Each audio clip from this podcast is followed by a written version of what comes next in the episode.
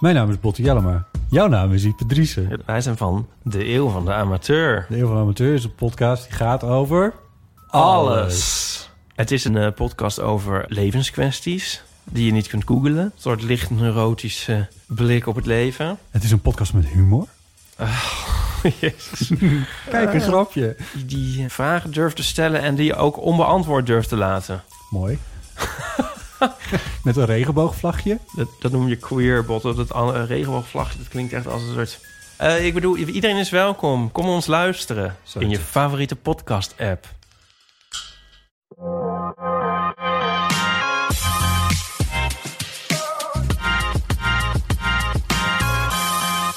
Je luistert naar De Lange Termijn. En we zitten hier eh, niet met een whiskietje vandaag. We zitten met een koffie. Waarom zitten we met een koffie? Omdat het te vroeg is voor whisky. Nou, ik weet nu wel hoe het voelt als je deze podcast eens beluistert op een maandagochtend, 8 uur. Het is nu 11 uur op een dinsdag voor ons. Ik, ik snap wel dat mensen zeggen, weet je wat, laat die whisky even zitten. Doe mij een koffertje, een havermelk, iets-achtig Ja. dingetje. Voor de specifieke doelgroep die het leuk vindt.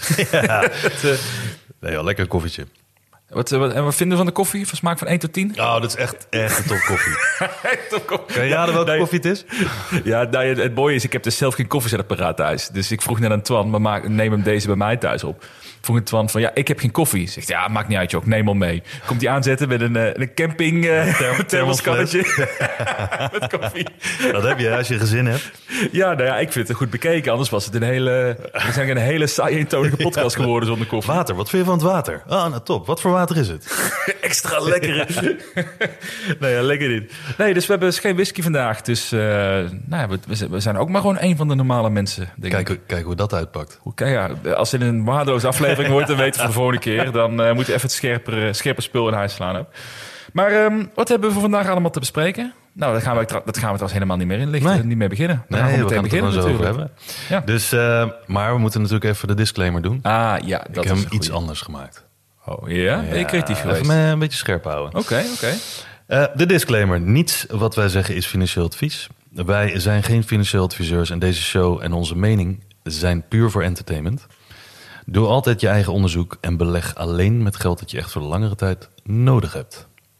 Ah, je hebt een paar kleine Ja. nuances gemaakt. Het is nog niet een heel... Even uit dat onderbewuste of onbewuste trekken. Ja, het is, het is nog geen Picasso, maar het is anderzijds, het is wel, ik snap wel dat je, je hebt er wel even tijd voor Ik genomen. ga er ook Ik zie- een NFT van maken. Ik, ik, zie op de NFT, ik zie ook s'avonds op de bank zitten nu ook zo met een schriftje erbij van... ik ga het iets anders benoemen morgen. Ja, hoe kan ik hier nuance inbrengen? Nuance. Nuance. Nou ja, lekker dan. Nee, ik heb zelf dus geen variant gemaakt, maar... eh, dus dat, ja, dat is meer jouw skill natuurlijk Ja, ook. Je bent een eh, woord, woordsmid, dat noem ik ook wel vaker. Maar wat we natuurlijk wel kunnen doen nog steeds, als je dit leuk vindt... is eh, vriend van de show worden. Dan kun je exclusieve afleveringen krijgen op de vrijdag. En dat is ideaal als je bijvoorbeeld eh, competitief hondenborstelen doet. Dat, is een goede hobby. Competitief onderborst. Ja, dat is een hobby die schijnt heel populair te worden.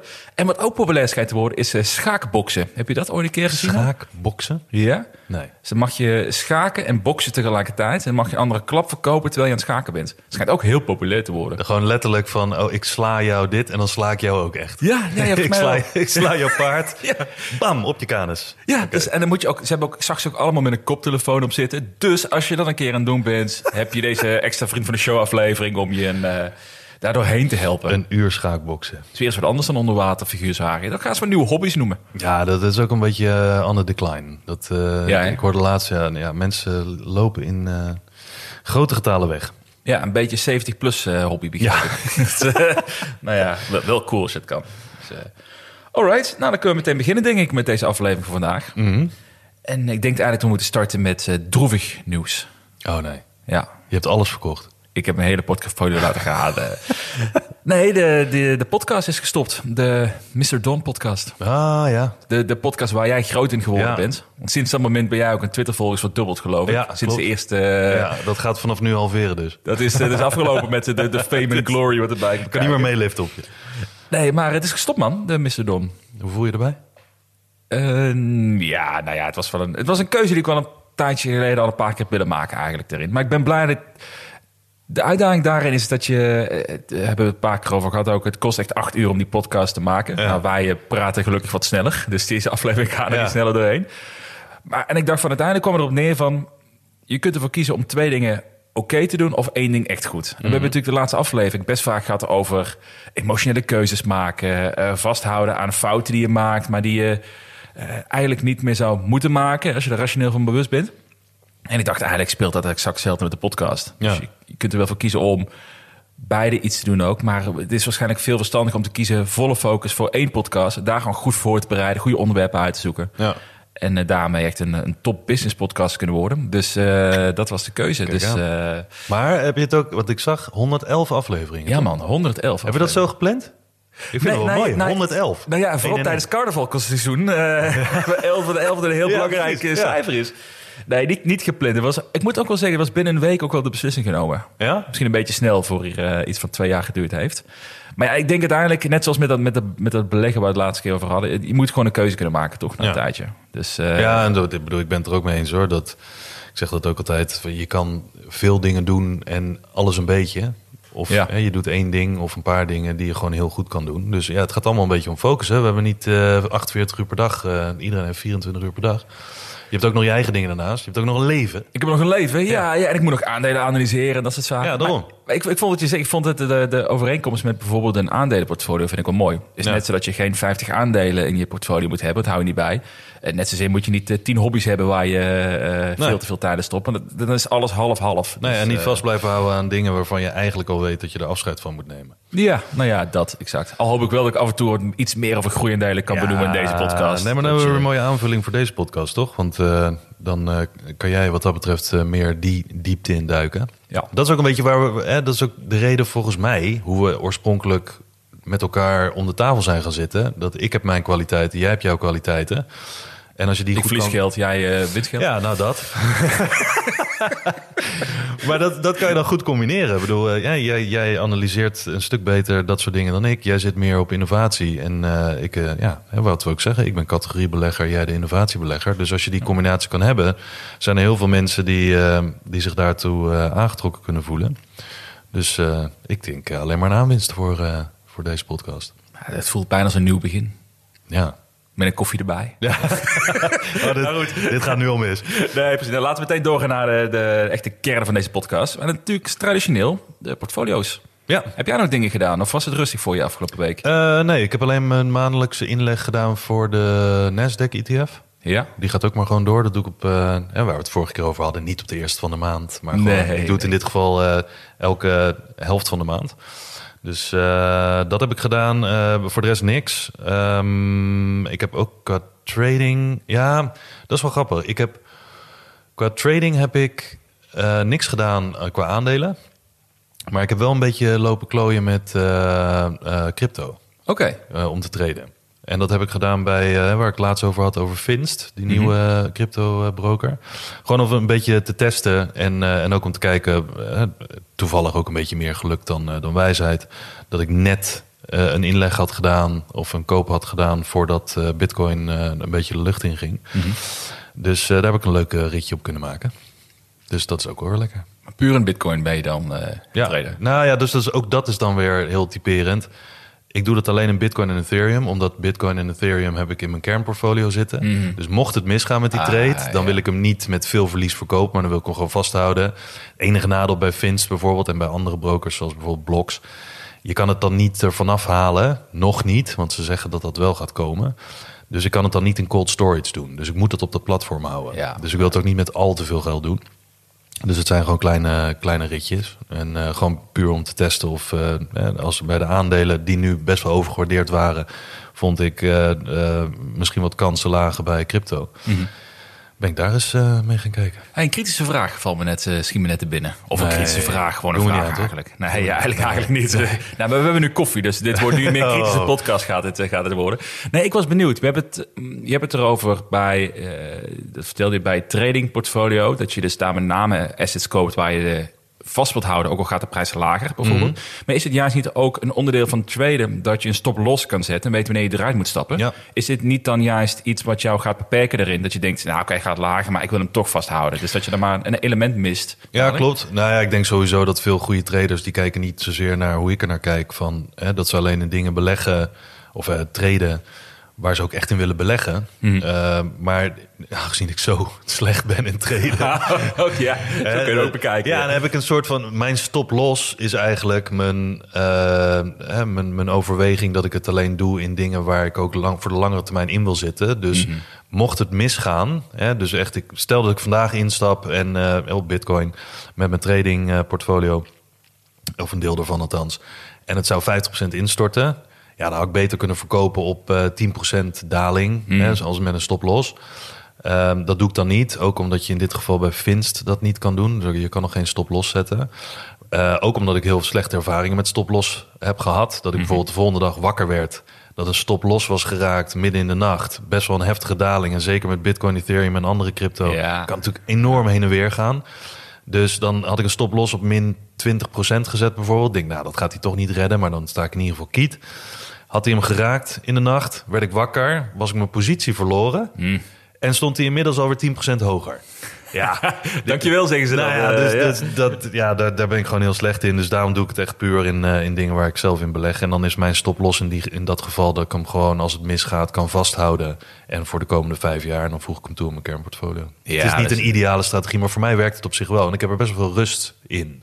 Weet je, want als het mis zou gaan en ik zou bijvoorbeeld, nou, noem maar iets in, eh, weet ik veel, eh Ripple. Mhm. Weet je, de- ja, daar doe ik niks mee. Wil ik dat dan voor jaren vasthouden en toevoegen aan mijn kernportfolio? Nee, ik denk dat ik de komende jaren of de komende maanden dan toch wel op een gegeven moment op verlies zou staan en het zou denken, nou weet je, hier ga ik afscheid van nemen, want die, die wil ik toch niet lang vasthouden. Mhm. Dus ehm, misschien een beetje wat jij met canoe hebt.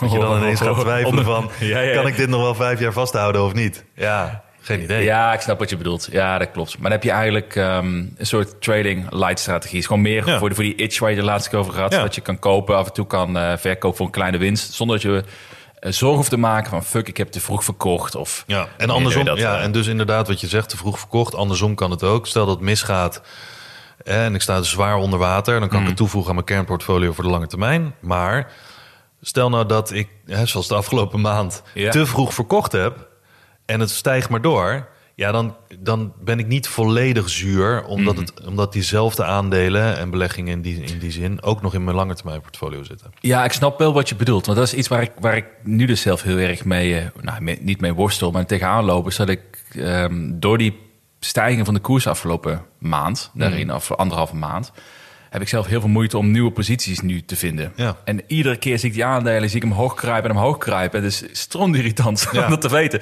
Dus, als jij, eh, dus ik snap heel goed dat jij zegt van nou, ik, ik doe gewoon een trainingportfolio daarnaast. En dan kan ik in ieder geval iets mee profiteren van die stijging. Voel ik me niet helemaal een, eh, een passieve, passieve gast op de Ja, je bent, je bent zowel in die zin geneigd om, nou ja, vrolijk. Je bent geneigd om positief te worden als het naar beneden gaat. Hmm. Daarmee daalt wel mijn kernportfolio zeg maar in waarde. Maar dan kan ik weer instappen. En dan kan ik bijvoorbeeld ook weer een trade maken als Ja, de eh, koersen dalen. Maar als het verder blijft stijgen, dan vind ik het te duur om te gaan traden. Maar dan heb ik nog wel in het kernportfolio iets wat in waarde stijgt. Dus Hmm. eigenlijk word ik blij van dalingen en ik word blij van stijgingen. Dus het maakt in mij, ja, voor mij maakt het niet zo uit. Misschien moeten we de beschrijving aanpassen. Ik had namelijk laatst dat eh Oscar had een hele mooie review achtergelaten op, eh, op Apple Podcast ook, hè, voor deze, Ja. deze podcast ook. Zei van, eh, Jasper is de eeuwige optimist. En Twan is degene die goed defensief gespreid met een portfolio zit. Misschien moeten we jou ook de eeuwige optimist maken. Want je kan alleen maar Nou. winnen met die strategie die Nou ik probeer wel altijd dingen te verzinnen om zo optimistisch mogelijk erin te kunnen gaan staan. Ja, Weet je? Dus ja. dat zeggen ook heel veel mensen die er heel lang mee bezig zijn. Die zeggen ook, je hoeft niet volledig in te zetten op één scenario. Maar zet dan 80% op het ene scenario en 20% op het andere. 80% op hetgene waar je het meest in gelooft. En 20% in wat als het misgaat. Dan kan Ja. je aan beide kanten... heb je in ieder geval niet volledig het gevoel dat je er naast de boot eh, zit. Dus, eh, of de boot mist. Dus ja, dat probeer ik altijd te doen. Ja. En soms gaat het goed, soms gaat het iets minder goed. Maar ja, weet je, het is beter dan... eh, voor mij werkt het beter dan mijn hele hebben en houden op één richting zetten. Ja, dat snap ik wel. Dat hebben we vaker over gehad natuurlijk Ja. ook. Over het gevoel dat je niet te veel op één inzet. Ja. Eh, dat snap ik. Ja. Ja, ik heb zelf eigenlijk niet zoveel gedaan. Eigenlijk niks Nee? afgelopen week. Nou, wat ik eigenlijk verlengde wat ik net zei. Ik, heb gewoon, ik zie gewoon geen interessante langs op dit moment. Heb je, heb je ook nog, want we hadden het vorige keer natuurlijk over. Heb je al iets eh, besloten richting eh Canoe? Of? Ja, nog niet helemaal. Nee? De, de, de podcast stoppen was mijn eerste moeilijke keuze om te maken. Maar Ja, nog... Eén ding tegelijk. Nee, Eén kijk- relatie tegelijk uitmaken. relatie. Ja, inderdaad. Niet meteen met alles breken. Nee, maar ik weet over Canoe zal waarschijnlijk over twee weken of zo earnings hebben. Ik denk dat ik daar nog even op ga afwachten. Ja? Want dat wordt wel gewoon een make-or-break moment. Want ze moeten een paar dingen nu echt wel gaan aantonen en bewijzen. Nou, als dat weer zo'n earnings call wordt... waarbij ze dingen gaan vertragen... dan nou, moet ik daar wel iets mee gaan doen. Ja. Maar ik denk wat ik ga fixen voor, de, voor die earnings call... is dat ik gewoon op ga schrijven. Ik zag laatst een heel goed voorbeeld langskomen op Twitter namelijk. Van iemand die zei van... dit zijn mogelijke dingen die ze kunnen gaan vertellen. Ja. Dit is mijn reactie als dit waarheid wordt. Ja. Dus bijvoorbeeld, eh, stel uh, Canoe kondigt niet aan dat ze eh, dit jaar die x aantal auto's gaan leveren. Nou, dan betekent dat positie 10% verlagen, bijvoorbeeld. Eh, ze gaan met extra verwatering komen, 10% verlagen. En dan gewoon heel rationeel van tevoren bepalen wat je belangrijk vindt. En, ik En dat is een goed punt, want doe dat, hè, dat is niet zo van advies van doe dat van tevoren, maar dit Hmm. is dus iets waar ik in het verleden heel vaak mis mee ging. Ja. Ik zat in mijn hoofd met, ik moet hier afscheid van nemen, of ik moet dit kopen, of ik moet iets doen. Maar op het moment dat er iets gebeurde, dan ja, ging ik vanuit emotie reageren. En dan ging ik precies het tegenovergesteld doen, of helemaal niks doen. Ja. Maar in tijden waarin je heel rationeel kan zijn, zoals nu, waarin er niet zoveel gebeurt, kan je natuurlijk voor jezelf inderdaad die red flags opschrijven. En dan de actie, inderdaad, 10% trimmen, 20% trimmen. Ja. Dan, maar dan moet je het ook echt doen. Ja. Dat, maar dat is eigenlijk het minste werk, omdat dan ben je niet emotioneel bevangen. En dat, de, ja, dat, daarom schrijf ik altijd alles op. Als dit gebeurt, weet je wel, net als bijvoorbeeld nu. Meneer Poetin is eh, op dit moment eh, aan het praten. Ik heb voor mezelf opgeschreven. Als de markt nu heel hard daalt, hè, om, als een soort schrikreactie, wat doe ik dan? Als de hele markt daalt, hè? dus niet, niet eh de, bedrijfsgerelateerd. de Nasdaq gaat 3% naar beneden, bijvoorbeeld. Ja, bijvoorbeeld, of Ja. het stort 10% in of zo. Weet je, ik heb een be- bepaalde niveaus en een beetje teruggekeken hoe, hoe markten kunnen reageren. En dan heb ik gewoon voor mezelf gezegd: oké, ik ga 10% van mijn cash, hè, van mijn cashpositie, dus niet van mijn hele portfolio, maar 10% van mijn cashpositie inleggen op 5% daling in bijvoorbeeld de Nasdaq ETF. Ja. Ehm, dat heb ik nu van tevoren opgeschreven. Want ik denk als er zoiets gebeurt, ja, het kan zijn dat het komende half jaar weer doordaalt en dat er iets, hè, dat een nieuwe oorlog ontstaat of weet ik veel wat. Kan. Maar dan heb ik in ieder geval iets opgeschreven. Ja. Hè, want je kan het afwachten en zeggen: dit is echt een nothing burger, om het zo maar te zeggen. En er gebeurt van alles, maar ja, wat heb ik eraan? Ja, waar we het de vorige keer ook over hadden. Dit soort macro-evenementen kan je ook profijt van hebben. Hoe krom het ook klinkt natuurlijk. Hè? Dat je profiteert van iets wat best wel Nou ja, je profiteert van overdreven angst natuurlijk. ja, mensen. Dus dat is... ja, van, eh, van ja. zwaar overdreven negatief sentiment Exact. of zwaar overdreven positief sentiment. Schrijf dat op en kijk dan wat je doet. ja. Dus, ehm, maar hoe staat het, eh, nu we het toch over eh, portfolio's en dergelijke hebben, hoe staat het eh, bij jou ervoor? Ik sta nog steeds op plek nummer drie, begreep ik. dus eh, van, ons, van ons, zeg maar. Met Oh. de lange termijn luisteraars erbij. Nee, ik sta nu plus 9 procent. Oké. Ja, dus het is nog steeds positief. Maar natuurlijk niet meer de 13 procent waar het eh, twee weken geleden op stond. Nee, blijf wel een beetje hangen dan nu, toch? Blijft nu een beetje hangen. Ja. Ja. Ja, maar ik heb ook het idee dat de markt overal een beetje Ja. blijft hangen. Ik Ja, het is wel een beetje. ik zat net te bedenken voordat ik hierheen kwam: van is er nou echt iets gebeurd? Heel weinig. Nee, hè? Nee, gisteren was natuurlijk de markt ook dicht. Maar er is ook inderdaad niks... De, de earnings zijn allemaal oké. Ja, Is ook niks spannends daarin. geen grote verrassingen. Ook Nee. geen grote uitspraken verder. Tenminste, niet dat ik heb gezien. Nee, niks waardoor de markt heel hard gaat reageren. Nee. Dus nee, met je eens. Het is eigenlijk best wel wat dat betreft een saaie periode, Ja. denk ik. Ik ben wel heel benieuwd wat er met crypto trouwens gaat gebeuren. Want eh, vandaag nu het opnemen, Coinbase gaat natuurlijk met cijfers Ja. komen. Block gaat met cijfers komen. Ja. Je hebt nog een paar van die echte crypto bedrijven die gaan eh, presenteren wat ze gedaan hebben. Ik ben heel benieuwd wat de sentiment daarna gaat zijn Ja. van crypto. Maar goed, dat, als je deze podcast luistert, dan weet je het al waarschijnlijk. Ik Dus, kan het helemaal mis hebben, maar de Coinbase, hè, mensen die dit luisteren hebben dan de cijfers al gezien. Mhm. Wij moeten ze nog zien. Ehm, maar ik heb, het, ik heb wel de verwachting, wat, waar we het vorige keer ook over hadden, dat Coinbase iets minder goed gaat doen. Mhm. Omdat natuurlijk een Q4, dat was ook nog niet helemaal denderend, Q4 Ja. vorig jaar.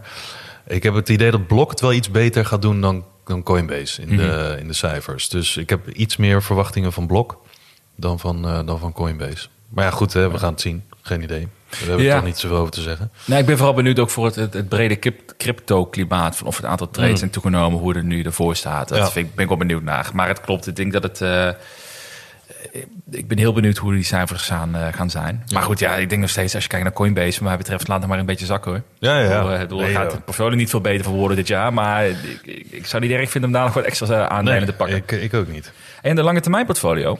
Staat die, op eh 13% toch? ja, die staat Ja. op 13%. En jij staat op... Bijna 18. Oeh, oeh, oeh. Maar ik moet wel zeggen, bijna 18, dat komt wel voornamelijk door crypto.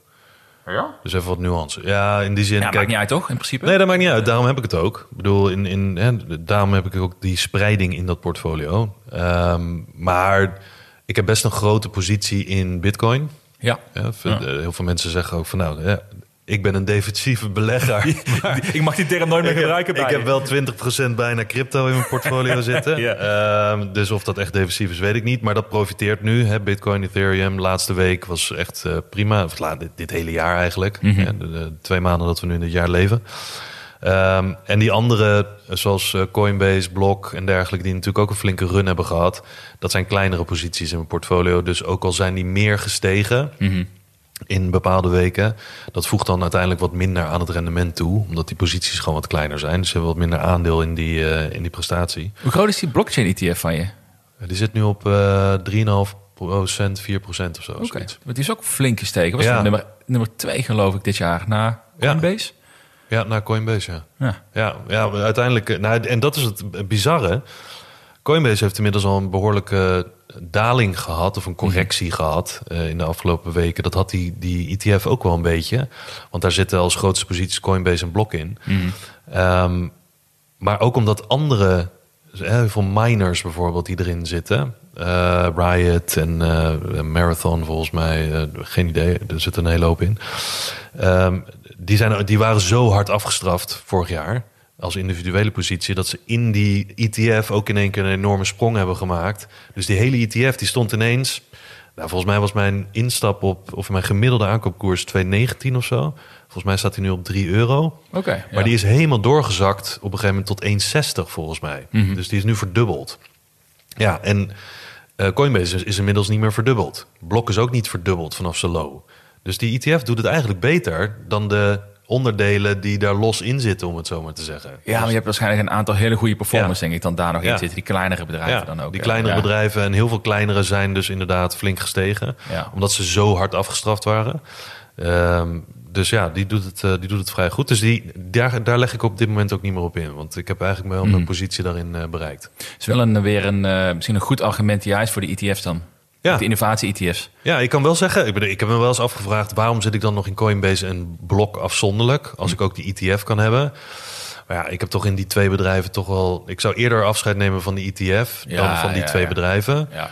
Maar het voelt natuurlijk wel een beetje dubbel waar we het vorige keer ook over hadden. Van, volgens mij is eh, nou, uit mijn hoofd 15 of 20 procent van die ETF bestaat dus uit Coinbase en Block. En ik heb daarnaast ook nog Block en, en Coinbase apart. Maar ja, voorlopig gaat het goed, dus eh, ik houd het gewoon aan. Nee, zolang je maar beseft dat die positie dus eigenlijk groter is Ja. dankzij die ETF. In Ja. plaats dat je denkt van ik ben heel goed verspreid, want ik heb eh, 16 posities Ja, en dat- allemaal ja. Coinbase erin. Ja. Dus, eh, nee, dat is ook zo. En ik zag als we binnenkort moeten de keuze gaan maken welke, ehm, port- welke aandelen eruit gaan en welk aandeel erin komt in de de lange termijn portfolio. Ja. Dus we hebben volgende week, of tenminste eh, zaterdag, hoeveel is dat? Ja, geen idee, wat is 26e? Ja. hebben we een meetmoment voor de vier heksluiters. Want dan is de beurs dicht. Dus we hebben een mooi meetmoment. Eh, dan pikken we de vier heksluiters waarvan er twee weggestemd eh, kunnen worden. Eh, dat gaan we de week daarna doen, dus volgende week. Eh, en we hebben sinds afgelopen week eh, de suggesties opengezet voor mensen die een nieuwe toevoeging kunnen voorstellen. Mhm. aan het, eh, want er gaat er één bij en dan gaan er twee af. En we hebben nu al tien suggesties gehad. Ja. Best wel interessant, want eh, net zoals de vorige keer, we hebben nu 25 namen erin. Eh, we hebben nu 10 suggesties eh, gekregen. Daarvan wordt er één uitgekozen via een poll. Mhm. Dus uiteindelijk kan iedereen erop stemmen. We gaan alle namen laten stemmen. Dus we gaan op alle namen kan je stemmen. En de winnaar daarvan komt erin. Maar we hebben nu Adyen, Alphen, Arbor, Realty Trust. Had ik nog nooit van gehoord. Eh, Avantium, CM.com, eh, CrowdStrike, Nu Holdings. Volgens mij zit eh, meneer eh, Warren Buffett er ook in. Dus een Bra- Braziliaans eh, neobank volgens mij. Zo, ja, dat Ja. klopt volgens mij wat je zegt. Ja, ja. Perion Network had ik ook nog nooit van gehoord. Eh, Shopify, Daar heb je wel van gehoord. daar heb ik zeker van gehoord. Eh, ik dacht zelfs van, oh, zit hij er niet al in? Ja, verbaasde die- mij ook, ja. Nee, die zat er dus gewoon nog niet in. En SQM, dat is een hele, dat is ook een, een, een mijn, volgens mij, ja, lithiummijner. Oké. Volgens mij. Eh, maar dat is interessant, want je krijgt natuurlijk bekende namen. Hè, Adyen en zo, iedereen kent dat. Maar er zitten soms ook echt namen bij waarvan ik denk... hé, wat is dit? Wat doet Ja, dit? Dus ja, dan moet ik wel even gaan kijken... wat eh, en überhaupt of Trading 2 and 2 het heeft... Want die heeft ook niet alle voorstellen, zeker niet als het van die niche dingen zijn. Maar deze tien voorlopig, als er nog nieuwe suggesties bij komen, voegen we die toe. Uiteindelijk kan iedereen stemmen. Daar hebben we een paar dagen voor, ze op Twitter aankondigen. Ehm, en dan kiezen we volgende week, ehm, komen er dus twee eh, uitvallers.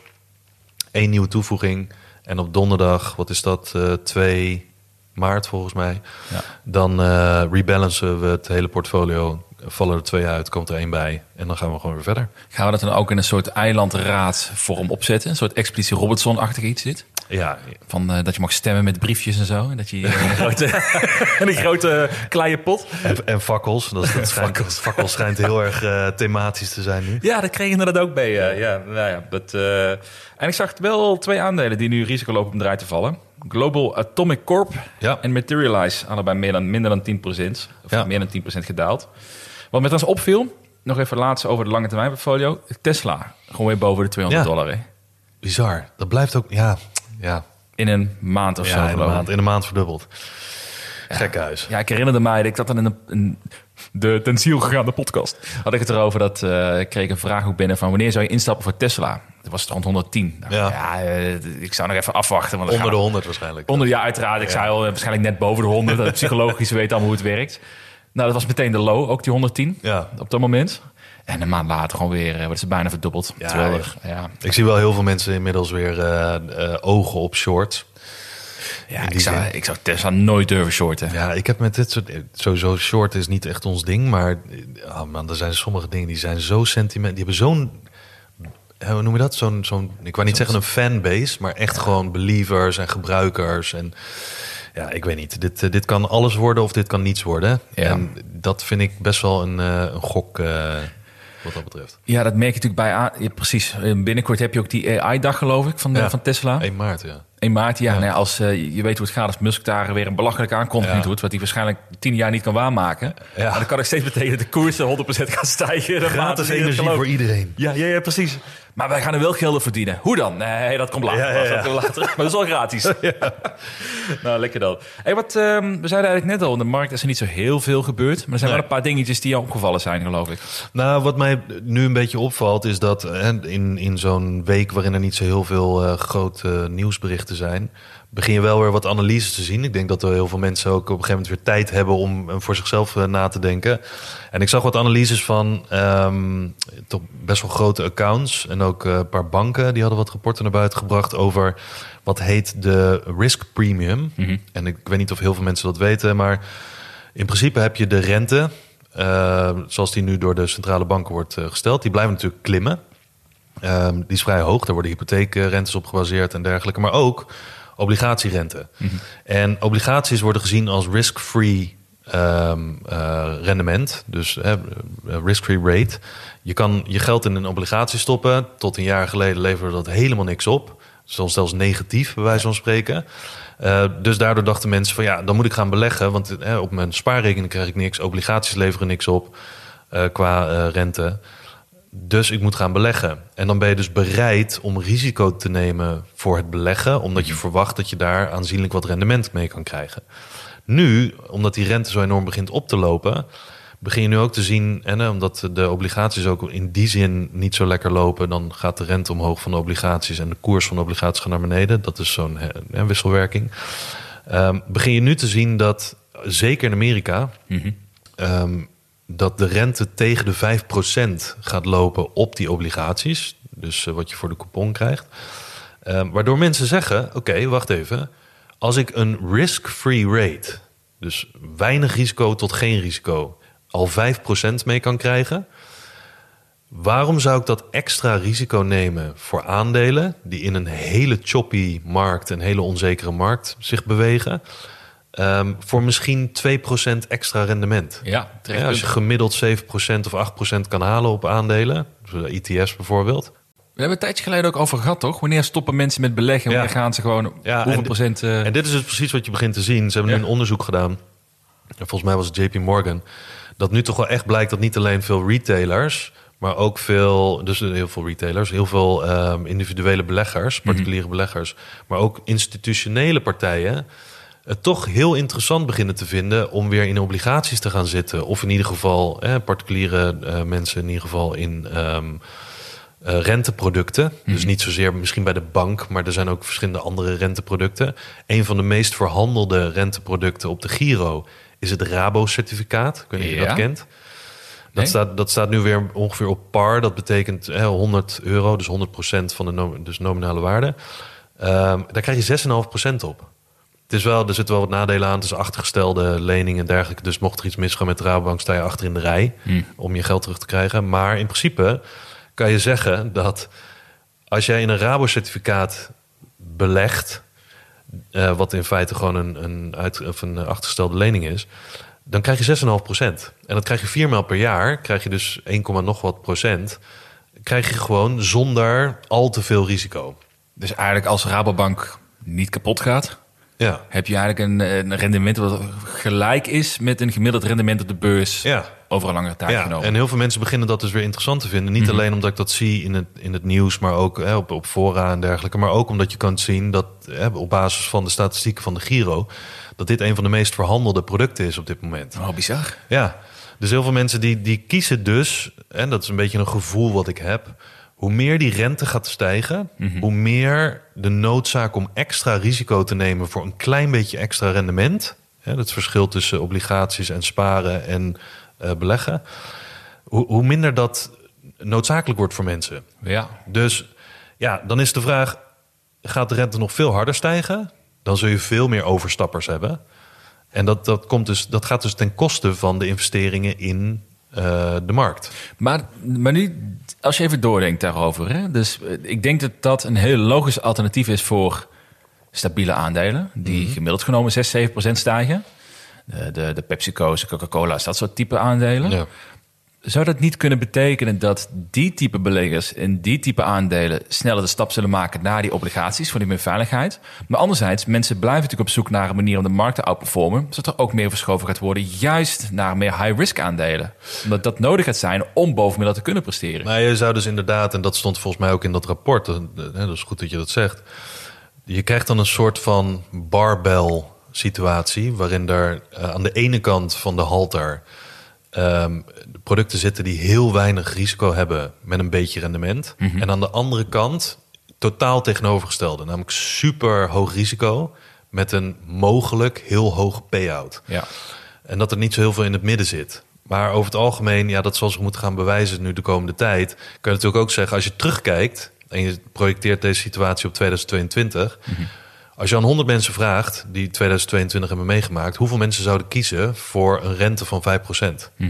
Wetende dat hun portfolio min 20 heeft gedaan. Hè, Ja, omdat heel veel ja. mensen zaten in groeiaandelen en dergelijke. Stel nou dat de markt zich omkeert, hè, in dit geval dit jaar. En dat schijnt weer zo'n situatie te worden. Hoeveel mensen zullen dan een ve- veilige haven, een veiligere haven kiezen... en inderdaad naar dat soort renteproducten overstappen? Ik denk de jonge mensen niet zozeer. Want ik bedoel, ik zit ook niet in obligaties. Ik ben niet eens zo jong meer. Maar waarom zou je in obligaties? Het is allemaal veel te saai voor iedereen. Weet je, Ja, je, wil, ja. je, je kan er ook niet over praten. Het is niet leuk. Je hebt ook nog geen vermogen opgebouwd waar je er echt van kan profiteren. Want het is heel wat anders of je met een miljoen 5% rente trekt. Of dat je dat met 10.000 doet. Ja, absoluut. met 500 euro. Wat moet je dan met 500 euro extra per jaar? Maakt jou het uit. Jij gaat liever dan in dat geval in een Tesla zitten. Of in hele speculatieve altcoins of wat dan ook. Omdat je vermogen wil opbouwen. Mhm. Dus dan ben je bereid om dat risico te nemen. Dus ik denk dat het meer voor de mensen met veel geld. Ik ken er ook een paar die op dit moment daarover zitten te, te, te twijfelen. En de grote institutionele beleggers. Die gewoon steeds meer interessante eh, eh, vormen zien van rendement. Zonder al te veel risico. Ja, maar dan, dan denk ik toch juist dat het bij die categorie beleggers, wat jij net ook benoemde, daar misschien de aandelen zullen dalen. Wat niet gek Ja. is. Volgens mij zijn er Walmart nog steeds op kunnen. eh, 40 eh, PI, geloof Ja. ik. Wat, wat nergens op slaat eigenlijk, als je het zo bekijkt. Dus die value-aandelen zijn sowieso eigenlijk al overgewaardeerd. Er zit te Ja. veel geld in. Misschien ook wel dus door die lage rentes. Nou, die hebben weer een alternatief op die value-aandelen. Die ieder kwartaal een, een dividend in zekere zin uitkeren. Ja. Ik kan me voorstellen dat dat meer gaat normaliseren. Dus misschien is dat ook wel dan, als ik het andersom draai, een waarschuwing voor degene die heel erg in die traditionele value-aandelen zitten, die ik net ook benoemde. Van ja, pas op, de rek kan er een beetje uit zijn, want er komt nu opeens een goed alternatief Ja. dat net zo veilig is. Ja.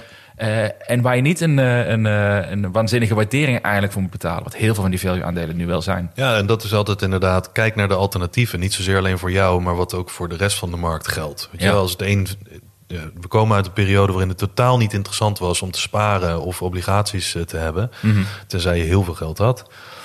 Eh, en aan voorwaarden moest voldoen en dergelijke. Maar als je zelf de keuze had, waarom zou je in obligaties gaan zitten? Waarom zou je sparen? Nu ineens beginnen dat soort alternatieven misschien nog niet eh, het alleraantrekkelijkst te worden. Maar het begint wel steeds aantrekkelijker te worden. Het is een beetje weer een alternatief, wat het is niet weer lange een- tijd ja, niet was. Precies. Ja, nou ja, dat exact. is een goeie. Oké, maar dat vind ik interessant. Die wist ik nog niet ook. Dus dat, Ja. eh, En het andere wat me op is gevallen, eh, ook hè, als we het hebben over de markt. Er komen nu ook weer rapporten. Volgens mij had JP Morgan of eh, Bank of America... die had een rapport naar buiten gebracht... waarbij ze onderzoek hadden gedaan... wat het sentiment is onder professionele beleggers en retailbeleggers. mhm. Compleet andersom. Ehm, professionele beleggers zijn over het algemeen vrij bearish Mhm. over aandelen. En retailbeleggers extreem bullish ineens. Ja? Is, is, is dat een recent rapport? Ja. ja. Want ik herinner mij dat andersom was. Of niet andersom was het dat de retailbeleggers extreem bearish waren. Een maand geleden zo. Ja, en Hoogste put-opties en zo. Precies. En dit is dus het grappige, want het schijnt dus nu... Ja, flip, eh, flip a coin. Het schijnt dus nu in een paar weken tijd helemaal omgedraaid te zijn. En het- ik heb zo'n vermoeden, en ik weet niet of dat echt zo is... stond niet in dat rapport. Maar ik heb zo'n vermoeden wat iedereen eigenlijk ook al weet. Wat bepaalt of mensen bullish worden of bearish? Dat is allereerst de prijs. Ja. De koers. Dus het rare is, en dat zeggen ze natuurlijk ook altijd, wij zeggen het ook. Wat je niet moet doen, is precies wat veel mensen doen. Namelijk, alles stijgt als een malle. Je voelt je prettig daarbij. En je denkt, FOMO, ik heb de boot gemist. Ja. Het voelt goed. Iedereen is ineens positief. Oh, dit gaat zich doorzetten. Ik ga mijn cash, wat ik echt aan de zijlijn heb gehouden in 2022... omdat ik bang was te investeren, ga ik er nu gewoon ingooien. En het blijkt nu ook dat er record na record na record geboekt wordt als het gaat om inflows, dus het cash die beschikbaar is en de markt ingaat van retailers. Er wordt record na record na record gebroken. Dus dat, eh, dat en tegelijkertijd is het consumentenvertrouwen heel laag. Dus dat mensen zijn heel negatief over de economie, maar mensen zijn wel mega positief over hun beleggingen. Ja, ja, ja. Want ze blijven maar storten. Ze blijven, en ook veel storten, meer dan, eh, dan in de maanden ervoor. Dus ik weet niet wat dat voor teken is, maar meestal kan je een beetje contrair denken en toch wel een, een conclusie trekken van: oké, ik ben niet zo positief als dat het sentiment nu weergeeft. Eh, we zitten ook weer op de Fear and Greed Index, ook weer sky high volgens mij. Wel iets minder dan een paar weken geleden. Maar iedereen holt wel weer de koers achterna, omdat het een goed gevoel geeft. Mag ik een ander scenario even, even erin gooien? Ja. Wat misschien zou kunnen, zonder dat het allemaal te diep Ja. gaat in die, in die materie. Eh, een, een feitje wat mij vorige week opgevallen is, is de mate van schuld in Amerika. Mhm. Heb je dat grafiekje gezien ook? Er is zo'n grafiek waarbij ze laten zien van hoeveel de gemiddelde Amerikaan aan schuld heeft. Ja. En hoeveel eh, vermogen heeft opgebouwd. Hoeveel Ja. cash op de bankrekening staan. Het, het, de cash op de rekening is eh, echt tientallen jaren niet zo laag geweest als nu. Ja. En het schuld van die Ja. ik zeg, Amerikanen is niet zo hoog geweest Ja. als, als tientallen jaren zoals nu. Ja. Zou het ook kunnen zijn dat gewoon stiekem, misschien op de achtergrond, heel veel mensen langzaam met een problemen beginnen te raken? Dat ze gewoon veel meer schulden hebben dan assets. Mhm. Ze hebben natuurlijk weer flink lopen uitgeven. Eh, nou, langzaam zien we ook dat die, eh, nou, in ieder geval bij techbedrijven, wat, wat eh, voorlopig gaat komen qua mensen. Dat misschien een hele kleine impact. Maar zou niet kunnen dat mensen denken van ja, fuck, ik moet iets gaan doen om geld te gaan verdienen. Ik ga maar gewoon in beleggingen zitten. Want dat is de enige manier wat ik kan bedenken om wat, wat, wat, wat extra inkomsten te verzorgen. Ja, dat zou kunnen. Maar ik denk dat het over het algemeen de mensen zijn die veel geld kunnen inleggen op de beurs. Zijn de mensen die over het algemeen niet zo slecht ervoor staan. Want als jij al veel schuld opbouwt door bijvoorbeeld je met je creditcard andere rekeningen te betalen. En bereid bent om daar een 20% rentepercentage over te betalen. Dan graaf je een steeds dieper gat. En dat doe je eigenlijk alleen maar, in mijn beleving, als het water aan je lippen staat. En dan heb je dus al je geld nodig, kennelijk, om aan je verplichtingen te voldoen. En dan heb je geen geld meer over om de markt te bespelen, om het zo maar te zeggen. Ja, nee, dat, dat, is, dat is heel rationeel bekeken. Maar ik kan me voorstellen, als het water zo bij aan de lippen staat... en je ziet tussendoor zie je bijvoorbeeld een Tesla... een, Ja. een aandeel wat je, wat je neef of nichtje gekocht heeft... die eh, 90% stijgen in een maand tijd. Denk, Ja. Ja. ik betaal 20% rente per jaar op een, eh, op een lening. Ik eh, kan 90% per maand krijgen om mijn Tesla-aandelen... wat natuurlijk waanzinnig is, Ja. is totale onzin. Ja, Maar als, je, als dat je idee is, als je hebt, je hebt gewoon problemen met schulden... Nou, trouwens, ik moet zeggen, ik denk dat, dat als dat speelt, dat maar van een hele kleine groep speelt. Dat zal dat niet de markt in beweging zetten Ja. trouwens. Dus misschien is dat iets te ja ik, denk, veel een verhaal. ik denk dat het verhaal van de afgelopen weken is gewoon veel positief sentiment. Veel short covering, want er zaten echt on, ontiegelijk veel mensen, Ja. retailers vooral, zaten in de put-opties. Nu schijnen de call-opties weer, eh, weer toe te nemen. Nu schijnt ook de inflows schijnen weer, hè, dus het geld wat de markt ingeslingerd wordt door retailers, schijnt weer toe te nemen. Ja, eh, het is helemaal omgedraaid. Mhm. Dus de vraag is, als het zo snel kan omdraaien, van negatief naar positief, kan het dus ook van positief naar negatief. What maar- goes up, ja, must come down. nee, maar dus, Ja. we leven echt in zo'n markt waarin op tijd van een paar weken het hele scenario anders kan zijn. Mhm. Terwijl onder de markt is het natuurlijk nog steeds hetzelfde. Ja, Hè, rente klopt. gaat nog steeds omhoog, beslissingen zijn nog steeds hetzelfde. De Fed heeft al aangekondigd, en ik denk ook trouwens dat dit een, een item is. Er zijn geen tekenen voor de centrale banken op dit moment om te zeggen wat we doen, dat werkt goed genoeg. Ja, dus ik denk klopt. dat ze gewoon doorgaan. Mhm. Het schijnt nu zelfs dat de, de futures al inprijzen. Wat was het? Een paar weken geleden was er een 1% kans dat in maart de Fed eh 0,5% zou verhogen. Mhm. Dus dat ze minder zouden verhogen. Zoals de afgelopen keer, 0,25%. Maar nu wordt er alweer volgens mij 20 of 30% ingeprijsd. De kans dat er toch een 0,5%. Dus dat zou hoger zijn dan dat, ze Ja. zouden, dan dat ze hadden verwacht. Dus dat betekent dat ze nog agressief moeten zijn. En ik denk dat dat ook komt omdat er gewoon mensen blijven geld uitgeven. Al- Als een malle. Wat je zegt, creditcardschulden en dergelijke, heel veel schulden gaan omhoog. Mensen blijven gewoon hun ding doen Ja. en blijven gewoon uitgeven. En er moet iets breken voor, ja, voor, voor dit hele scenario om zich om te draaien. Ik hoop het niet, maar ja, je weet het nooit. Nee, het is in ieder geval wat dat betreft niet geen fantastisch signaal als je kijkt naar. Nee, eh, het gaat ook allemaal heel snel. Dat, Ja, is, dat is hetgene, het bouwt zich nooit een beetje rustig op. Oh, we komen net uit een slecht jaar, laten we even rustig opbouwen. Nee, het is gelijk weer hoppakee. Ja, van het dal naar, naar de piek en dan weer van de piek naar de dal in een paar weken. Ach jongens, toch leuk. Moeten we anders doen. Weet je, saai deze podcast worden als we er eh, twee jaar moeten wachten op een kleine beweging. Hey, we hebben nog een aantal luistervragen. Of een, een weer vier luistervragen Ja. binnengekregen. Laten we daar naartoe gaan. Ehm, Marijn, met de eerste vraag. Zouden jullie investeren in beleggingen waar je het niet mee eens bent... maar wel een potentiële megaklapper zou mee kunnen maken? Dus wapens en eh pharma. Ja, ik heb er dus zelf geen problemen mee, moet ik Nee? zeggen. Nee, ik moet... Maar het, misschien... Ik, ik- Misschien komt er ook wel, ik heb erover nagedacht van, eh, als je vanuit moreel gaat beleggen, als dat je eh, iets is waar je rekening mee houdt, dan moet je het ook in de breedte, moet je dat kunnen, eh, de breedte toepassen op je portfolio. Ja. Dan kun je afvragen, eh, een Unilever bijvoorbeeld, of een Axo Nobel, die nog steeds heel actief zijn in Rusland, maar heel veel Nederlandse beleggers in een portfolio hebben, moet je daar dan ook niet de afstand van nemen als je investeert. Als je zegt van, nou, wapenindustrie moet je niet in zitten, Ja. of eh, sigaren moet je niet in zitten of zoiets. Ja. Je kunt het best wel ver gaan doortre- doortrekken vanuit eh, als je een morele belegger bent. Ik geloof daar niet zozeer in. Ik denk eigenlijk dat er betere manieren zijn om iets goeds bij te kunnen dragen voor de wereld. En ik, misschien zit ik heel zwart-wit. Ik denk beleggen door je om geld te verdienen, enerzijds. En als, het, als je daar eh, dingen mee kan steunen waar je in gelooft, natuurlijk super. Maar laten we eerlijk zijn, als wij aandelen kopen van eh, Shopify of van eh, Beyond Meat of wat dan ook... dan gaat het bedrijf geen, geen, geen, stap mee kunnen zitten met wat wij natuurlijk daaraan Nee. bijdragen. Dus Nee.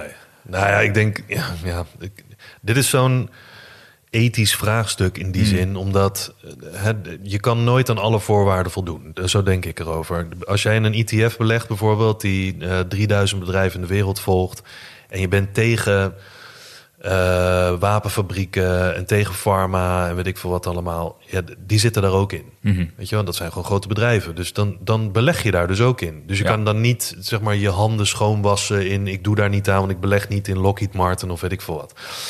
Ehm, dat is een nuance. Dan, daar, daar kan je dan niks over zeggen. Dus dan moet je ook anders niet in de ETF beleggen. Ehm, ik heb wel moeite met individuele bedrijven die puur gespecialiseerd zijn in iets waar ik niet zo graag mijn geld naartoe. Dus ik stem niet zo graag met mijn geld op dat soort bedrijven. ja, En vote with your money. Ehm, maar aan de andere kant, je kan dus een standpunt innemen van ik ga het allemaal goed doen of I don't care. Mhm. Want alles wat er tussenin zit, is altijd wel een reden voor te vinden om het niet te doen. Ik beleg in, of nee, ja, ik beleg, eh, ik heb goud, of ik, ik koop goud. Ehm, is goud goed voor de wereld? Dan zeggen heel veel mensen, ja, dat is maar goud, dat is maar mineraal. Daar doe je de wereld geen, eh, ge- geen nadeel mee. Ja, Mhm. oh is. Er wordt als een malle eh, goud gedolven. En de hele de, de enorme apparaten die grond uitstaan te, te, te baggeren en weet ik veel wat. ja. Dus heel goed is dat ook niet. Eh, mensen die voor de groene revolutie zijn in de zin van eh, elektrische auto's. Ja, wat heb je nodig voor eh, accu's?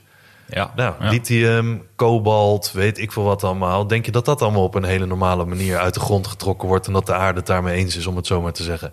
Daar kan je dus ook niks over zeggen. Er zit altijd met je linkerhand beet ergens mee eens... terwijl aan de rechter, met je rechterhand hè, je het een beetje weg. Ja. Dus zou ik puur investeren in, in een bedrijf... waarvan ik weet dat ze iets doen waar ik niet mee eens ben? Nee. Ook al weet ik dat ik daar een klapper mee kan maken. Dat zou ik niet doen. Maar ben ik me volledig bewust van alles wat ik heb... eh, en kies ik dat omdat ik de wereld beter wil maken? Ook niet, want dan, moet ik, bij, dan kan je bijna niet meer beleggen. Nou ja, exact. Want er zijn heel veel beleggingen die je wel kan doen... eh, die go- ogenschijnlijk goed zijn... eh, voor het milieu en voor de toekomst en dat soort dingen. Daar kan je dan bij wijze van spreken niks aan verdienen... want het is nog te vroeg, ik, eh, nog geen subsidies, weet ik veel wat... dat stijgt nog niet. Ehm, en dan blijkt er achteraf dat er toch bepaalde dingen gedaan worden... waarmee je het niet eens kunt zijn. Ja. Ja, en dan had je dat liever willen weten. En dan heb je jarenlang op een, eh, op een 2% rendement gezeten. Terwijl achteraf blijkt dat je beter gewoon in een ETF had kunnen zitten... waarbij je ook de dingen had gekocht die dan niet zo goed zijn. Daarom, je weet ook niet allemaal wat er speelt natuurlijk achter de Dat schermen. is het. Je En, weet eh, gewoon niet alles. Ja, en, en wat mij, daar heb ik mij een paar afleveringen geleden over gehad. Het greenwashing speelt daar natuurlijk ook gewoon een rol in. Ik heb het gevoel dat heel veel van die fondsen heel erg anticiperen op het gevoel iets goed Ja. doen voor de wereld. Ja. Maar eh, uiteindelijk bouwen ze ook een portfolio op om er zelf rijker van te kunnen worden. En dan zie je, oh, waarom staat dat aandeel ertussen? Maar die hebben toch net een hele, hele rivier gesloopt ergens in Afrika om, om meer, geld te kunnen pakken daarop. Weet je, wel, even een stom voorbeeld. Ja, je moet meer werk doen, denk ik, als belegger. Wil je daar echt helemaal achter staan... dan alleen het labeltje ESG bijvoorbeeld Nee, volgen. exact. Weet je, dan doe je gewoon niet genoeg werk. Nou, en het mooiste voorbeeld vind ik zelf, dat is wat de afgelopen tijd weer speelde, was die pensioenfondsen die in Shell zitten, bijvoorbeeld. Dus zie je heel veel mensen die erover reageren van, ik wilde mijn pensioenfonds stop met Shell. Ja. Maar ik wil ook dat ze een heel goed rendement halen. en dat. dat ze zorgen dat ik Ja, een spaarpotje heb als ik oud ben. Ja, Shell is een van de best renderende aandelen geweest in Nederland de laatste, laatste twee jaar, denk ik. Dus Wil je rendement dan opgeven? Nee, dat niet. die maken wel andere opties. Ja, maar die verdienen minder. Ja. Maar ja, er moet vast wel iets zijn. Ja, eh, eh, Je can't have it both ways. Nou, nou ja, exact. Kies maar inderdaad. Dus eh, nee, ik, heb er, ik vind het prima als mensen het wel doen. Daar rekening mee houden. Dus ik ieder zijn eigen keuze. Als je er echt rekening mee wilt houden... is misschien de beste bestemming van je geld...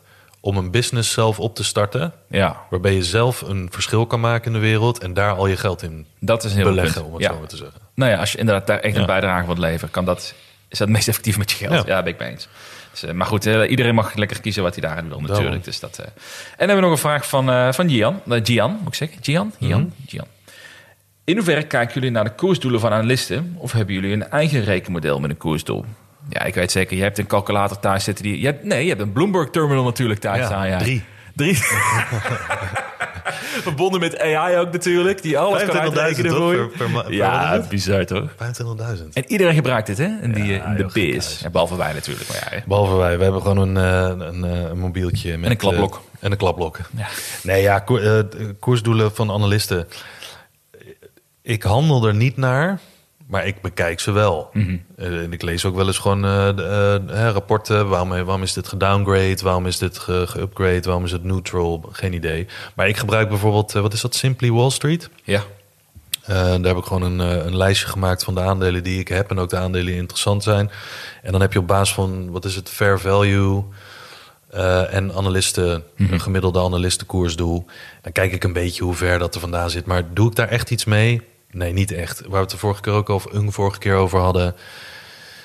Nee, volgens mij zag ik gisteren ook weer, ik weet niet op, op basis van welk aandeel dat was, maar er waren twee analisten die stonden gewoon lijnrecht tegenover elkaar. De een zegt van ja, dit is een hard sell en de ander zegt dit is een hard buy. Ja. En het koersdoel was volgens mij van 200 euro voor die hard buy, terwijl het nu op 80 stond of zo, en die andere was 60. Dan denk ik ja, wat moet ik daar nou weer mee? Dus eigenlijk niet. Nee. Dus waar we het ook vorige keer over hadden, wat is voor jou fair value? Ja, en daar, daar moet je zelf achter komen wat je rekenmodel is. Dat is, eh, je hebt daar denk ik een iets betere kijk op dan ik qua analyse. Nee, ik zit, ik zit in hetzelfde kamp. Ik, heb ook, eh, ik vind het interessant om mee te krijgen wat analisten ervan maken en die rapporten te lezen. Dus dat, Ja. dat wel. Het geeft af en toe wel wat interessante inzichten. Ik vind het ook interessant dat je weet dat een, ehm, een price target de koers in ieder geval voor die dag in beweging kan brengen. Ja. Nou, niet je daar iets mee doet, maar je kan er wel rekening mee houden natuurlijk ergens. Maar ik heb er eigenlijk heel weinig, eh, heel weinig mee van doen, omdat in zekere zin zijn analisten hetzelfde als wij. Ze hebben iets betere tools. Ze Ja. hebben wel een Bloomberg terminal in plaats van een kladblok thuis liggen. En ze kunnen daar, ze hebben waarschijnlijk echt wel meer feeling met die industrie dan wij hebben op bepaalde vlakken. Maar onderaan de streep blijft gewoon iemand die gaat voorspellen wat de koers over een jaar gaat doen. En dat blijft gewoon een fool's game. Dus ik Ja. geloof daar niet zozeer in. En ik vind het wel interessant, juist om daar meer de bearish varianten te lezen van aandelen. Te kijken, klopt het wat hij zegt? Maar ik, ik heb daar nooit een aandeel gekocht. Nou, dat is niet helemaal waar trouwens. Toen ik net begon, toen ik net begon met, met beleggen, dan eh, keek ik dus naar die gemiddelde price targets. Ja. En er stond er bijvoorbeeld een aandeel die op 2 dollar stond, was de gemiddelde price target 10 dollar. Dus ik, holy shit, als dat het gaat worden, ga ik vijf keer weer geld. Toen heb ik mijn eerste aandeel gekocht. De basis is van de gemiddelde price target. En hoe is dat afgelopen? Niet goed. Mijn eerste aandeel was, eh, was, was ehm, eh, Aurora Cannabis. Oh ja. Ja, fantastisch. De eerste, logisch, eerste aandeel wat je koopt is een drugsbedrijf natuurlijk. Dat, wordt- dat wordt groot man, dat, dat cannabis ooit. Volgens mij hebben ze nu al, eh, volgens mij was dat toen op 2 dollar. Volgens mij hebben ze nog iets van 30 verwateringen en eh, eh, eh, shit meegemaakt, waardoor het nu, ik denk, 99% lager staat dan toen ik toen kocht. Nee, Nee, joh. 95%. En wat heeft die analist gedaan? Ik hoop dat hij is opgestapt. Eh, dat, eh, nee, maar het is, maar het is een voorbeeld waarbij ze zeiden... de gemiddelde price target was vijf keer zo hoog op het Ja. moment als de koers. En het is uiteindelijk was het gewoon totaal waardeloos. Ja, joh, weet je wat ik dus ook ja, vaak doe Het eigen Misschien een beetje complotdenken, maar... Of hoe je dat ook noemt tegenwoordig. Ja, nu- ja, ja. Maar ik denk ook dat heel veel van dit soort dingen natuurlijk... eh, Zo'n analist wordt dan een beetje warm gemaakt, wordt eh, gesponsord... of wordt op een of andere manier een beetje onder druk gezet... of weet ik veel wat. Wat voor belangen er dan ook bij zijn. En zegt dan in één keer, ja, dit is een strong buy. ja. En dan denk ik, oké, waar komt dat nou ineens vandaan? Ja, die kan, een, die kan een incentive hebben om dat te zeggen. Weet jij veel? 100%. Ja, ja, die kan Dus- bijvoorbeeld gisteren in de positie met de bank geopend hebben. Nou, dat. Ja. Dus eh, uiteindelijk, eh, ja, weet je, iedereen heeft zijn eigen belangen. Je, ik denk gewoon dat het algemene advies, of niet advies, maar het algemene eh, ding hier is: doe je eigen onderzoek. En het is wel handig om dit soort dingen, zoals hè, als er bijvoorbeeld zo'n eh, analyse is van een aandeel van een koersanalist en die heeft er uiteindelijk een koersdoel bij. Hoe is die daartoe gekomen? Want Ja. dat proces kan je misschien wel gebruiken om voor jezelf te bepalen van, nou, wat zou voor mij een redelijke value zijn nu om, te, om in te stappen en wat zou een redelijke value zijn eh, over vijf of tien jaar Ja. om, eh, om uit te stappen, bij wijze van spreken. Dus ja, ik denk dat de beweegredenen van die analisten interessanter is dan de doelen die ze eraan stellen, Ja, denk ik. ja, ben ik zeker mee eens. En andersom ook, hè, bij short report. Ja, Kans groot dat die ook net dachten voor een eh, flinke short positie hebben geopend. Gaan zeggen hoe waardeloos het bedrijf is. Moet je zelf uitzoeken, is Ja. dat correct of niet? ja. Want gegarandeerd dat, zeker bij meer gerenommeerde bedrijven, dat de koers behoorlijk kan gaan dalen daarop. Ja, dat hebben we allemaal gezien. Dus, eh, ik zit even te kijken qua, qua tijd. We willen het ook niet te lang maken, want de figuurzagen zitten bijna op, de, de training. Ehm, we kunnen het hebben over stock-based compensation, of we kunnen nog naar de laatste twee luistervragen. Nou, laten we dan de laatste twee luisteren. Ja, toch? Anders wordt het, eh, dan bewaren we die voor de volgende Ja. keer. Een mooie teaser. Dus, ehm, de laatste twee vragen. Juri vraagt: Wat vinden jullie van het uitlenen van aandelen bij de Giro? Komt soms negatief in het nieuws? Of moeten we daar ons geen zorgen over maken? Heb jij daar een mening over? Eh, ja, ik, heb altijd een mening. Wat moet ik eigenlijk zeggen? Wanneer Wat is heb jouw mening? mening? Ja. Nee, eh, ja, goed. Het, het, ja, het uitlenen van aandelen bij de Giro. Heel veel brokers doen dit. Weet je, je koopt een aandeel, je houdt het bij de Giro. Eh, de Giro mag jouw aandeel uitlenen aan bijvoorbeeld partijen die het willen shorten. Want als je iets wil shorten, moet je het eerst bezitten Ja. eh, om te verkopen. Want dat is shorten. Eh, dus dan leen je het van iemand zoals ik bijvoorbeeld, die dan in dit geval blok heeft bij de Giro. Ja, dan leent iemand mijn blokaandelen van de Giro. Terwijl ik dat eigenlijk niet weet. Ik, ik krijg geen melding of zo wanneer dat gebeurt. Daar moeten ze onderpand voor, voor storten. Ehm, en dan kunnen ze dat gebruiken om te shorten. Ehm, waarom doet een broker als de Giro dit? En heel veel meer doen dit hè, trouwens. De- Vroeger kon je nog kiezen, volgens mij is dat niet meer bij de Giro. Maar je had, vroeger had je een basic account en een custody account. In een custody account ja, klopt. Ja. was alles echt van jou in die zin. Het is natuurlijk nog steeds van jou. Ook bij een basic account. Maar dan mochten ze jouw aandelen niet uitlenen. Ehm, maar waarom doen ze dat? Volgens mij kan dat nu niet meer. Volgens mij heb je alleen een basic account. Maar waarom doen ze dat? Het is gewoon een verdienmodel. Weet je, want eh, zo'n zo'n partij wat die aandelen leent, die moet daar wat voor betalen. Eh, die moet daar een vergoeding voor betalen. Totdat ze het aandeel weer teruggeven. Ehm, dat is gewoon een verdienmodel voor de Giro. Bux doet het, volgens mij doet Links het ook. Weet je, heel, veel, heel veel brokers doen dit. Is er dan veel risico? Het heeft een beetje een slechte naam gekregen, denk ik, omdat mensen zoiets hebben van ja, maar die aandelen zijn toch van mij, waarom leen je ze uit? Ja, het- vooral Maar- een beetje bij die, de hele GameStop-verhaal, toch? Van ik wil niet dat ze met mijn aandelen gaan shorten. Ja. Dat komt toen heel erg in het nieuws ook. Nou ja, kijk, nou, Ja. dus het is een verdienmodel. het heeft een slechte naam omdat mensen zoiets hebben van ja, wat van mij is, moet niet uitgeleend worden. Maar dan vind ik ook waar we het net ook over hadden, je can't have it both ways. Als jij heel goedkoop kan beleggen, ehm, dan moet je er ook oké mee zijn. Hè, dus echt gewoon spotgoedkoop beleggen. Moet je er ook oké mee zijn dat jij een deel van het product bent. Ja, precies. Hè, dat is net zoals met, met Gmail, eh, gratis e-mail. Ja, je bent ook onderdeel van het product. Dus er moet aan verdiend worden. Hoe kunnen ze die kosten zo laag houden? Omdat ze op andere manieren aan dingen kunnen verdienen. Nou vind ik wel dat bij grote partijen, zoals bijvoorbeeld de Giro, het wat anders is dan van die kleine opkomende partijen. Mhm. Want precies, kijk, over het algemeen is het geen probleem, denk ik, bij heel veel aandelen, heel veel liquiditeit, maakt allemaal niet uit. Maar stel zo'n GameStop-verhaal, dat kan nog wel eens risicovol zijn, omdat als een hele kleine partij, tenminste zo heb ik dat voor mezelf bedacht, ik weet niet of dit echt zo is, maar dat is mijn analyse. ehm, en die, eh, er zijn op dat, op dat platform zijn er, lenen ze heel veel GameStop aandelen. Stel dat jij de grootste GameStop aandeelhouder bent en je zit op dat kleine platform daarmee. En zij lenen dat allemaal uit aan een partij. Die prijs gaat volkomen door het dak. En hun shortpositie staat volledig onder water. En ze kunnen niet aan een margin call voldoen, bij wijze van spreken, door meer onder, onderpand te storten. Om aan een verplichting te voldoen. Ja, dan zou het nog wel eens kunnen zijn dat zo'n partij failliet gaat daardoor. En dat is ook, denk ik, de reden waarom Robinhood eh in Amerika op een gegeven moment alleen nog maar de celknop beschikbaar heeft gemaakt. Of nee, wat was het? alleen maar nog maar de buy-knop en niet de celknop. Ja, ja. Eh, want die kwamen gewoon in problemen. Want die moesten ook aan een verplichting voldoen. Maar bijvoorbeeld bij de Giro, ja, je klantgelden zijn gescheiden van hun balans. Dus op het moment dat de Giro failliet gaat, kan je nog steeds eh, dat ehm, eh, bij, je- bij je aandelen. Die zijn nog steeds van jou. Plus dat de Giro het altijd uit eigen vermogen zal dekken Ja.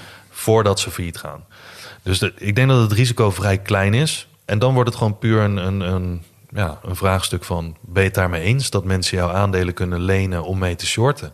Want jij, jij wil long en iemand anders wil met jouw aandelen short. Ja. Dus die zit eigenlijk tegen jou in te, te handelen. Het is gewoon- Het is gewoon een marktmechanisme natuurlijk. Ja, maar dan moet je een Dus, broker eh, kiezen die dat 100% niet uitleent. Ja. Die heb je, maar daar betaal je voor. je wel 10, 10 euro Nou, transactiekosten. dat. meteen. Dus, de- Ja, nee, maar, ja, dus je ja. kan ervoor kiezen. Maar Ja. wees niet verongelijkt dat je een goedkope broker hebt die dat doet. Want dat is gewoon onderdeel van het hele product. Ja, en ook niet zo dat als daar iets mis mee gaat, ze kunnen zeggen, ja, jouw aandelen zijn verloren gegaan, succes ermee. Nee.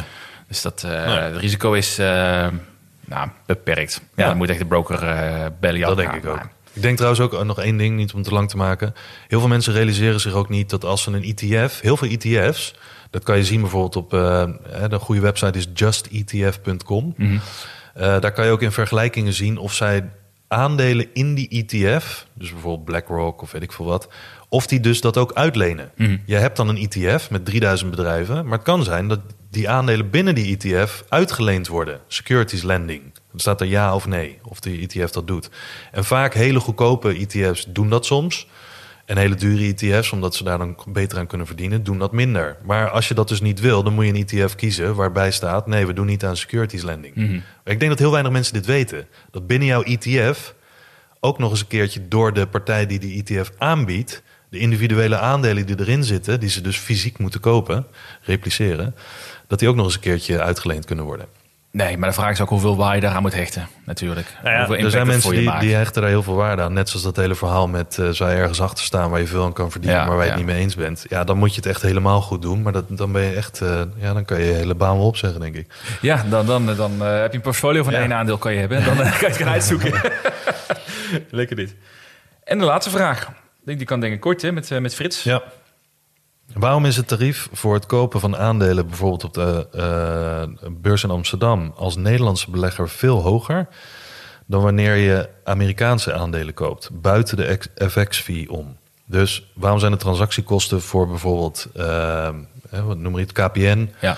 bij de Giro lager dan bijvoorbeeld een uh, Apple aan de Amerikaanse beurs? Nou ja, je zegt al, uh, Frits, buiten de FX-fee om. ik denk dat heel veel brokers die proberen op een bepaalde manier proberen ze klanten te trekken hè, door lage transactiekosten en dergelijke. Maar je moet kijken naar het totale plaatje van kosten. Wat kost elke order jou in totaal? En bij de Giro is dat een klein beetje verborgen. Ik, ik weet niet of ik daar helemaal altijd lekker van word. We hadden het er laatst ook over van is het je opgevallen dat als je bijvoorbeeld, weet ik veel in dit geval Canoe koopt, eh, bij de Giro, dat je dan ziet 1 euro transactiekosten. Mhm. Maar als je hem uitklapt, dat je dan ook nog eens een keer een flinke FX-fee er bovenop krijgt. En die FX-fee is bijvoorbeeld twee jaar geleden volgens mij verdubbeld. Dus daar verdienen ze op. Dus zeg dat je 1000 euro inlegt op een canoe. Ik weet niet uit mijn hoofd hoeveel het is, maar je betaalt 1 euro transactiekosten. Dan denk je, hé, hey, bonus, 1 euro maar. Nou, dat is lekker. Maar die FX-fee die er bovenop komt, zorgt ervoor dat je uiteindelijk 5 of 6 euro kwijt Ja, die kan aantikken hoor. Ja, die kan echt flink aantikken. ja, ja. Dus dan heb je sommige brokers die zeggen... ehm, eh, weet je, onze transactiekosten zijn 3 euro... plus een lagere FX-fee. Kom je ook bijvoorbeeld op 6 euro uit... stel dat je op precies hetzelfde uitkomt... dan nog eh, zijn veel mensen geneigd om dan voor de Giro te kiezen... omdat het 1 euro transactiekosten is... versus die 3 euro. Dat klinkt dan ineens alsof het heel duur is. Maar in totaal betaal je hetzelfde. En ik denk dat je daarnaar moet kijken. En ook eh, bij de eh, Amsterdamse beurs. Je betaalt 3 euro bijvoorbeeld voor een KPN-transactie volgens mij. Uit mijn hoofd. En bij andere brokers is dat volgens mij hetzelfde. En bij sommigen betaal je 5.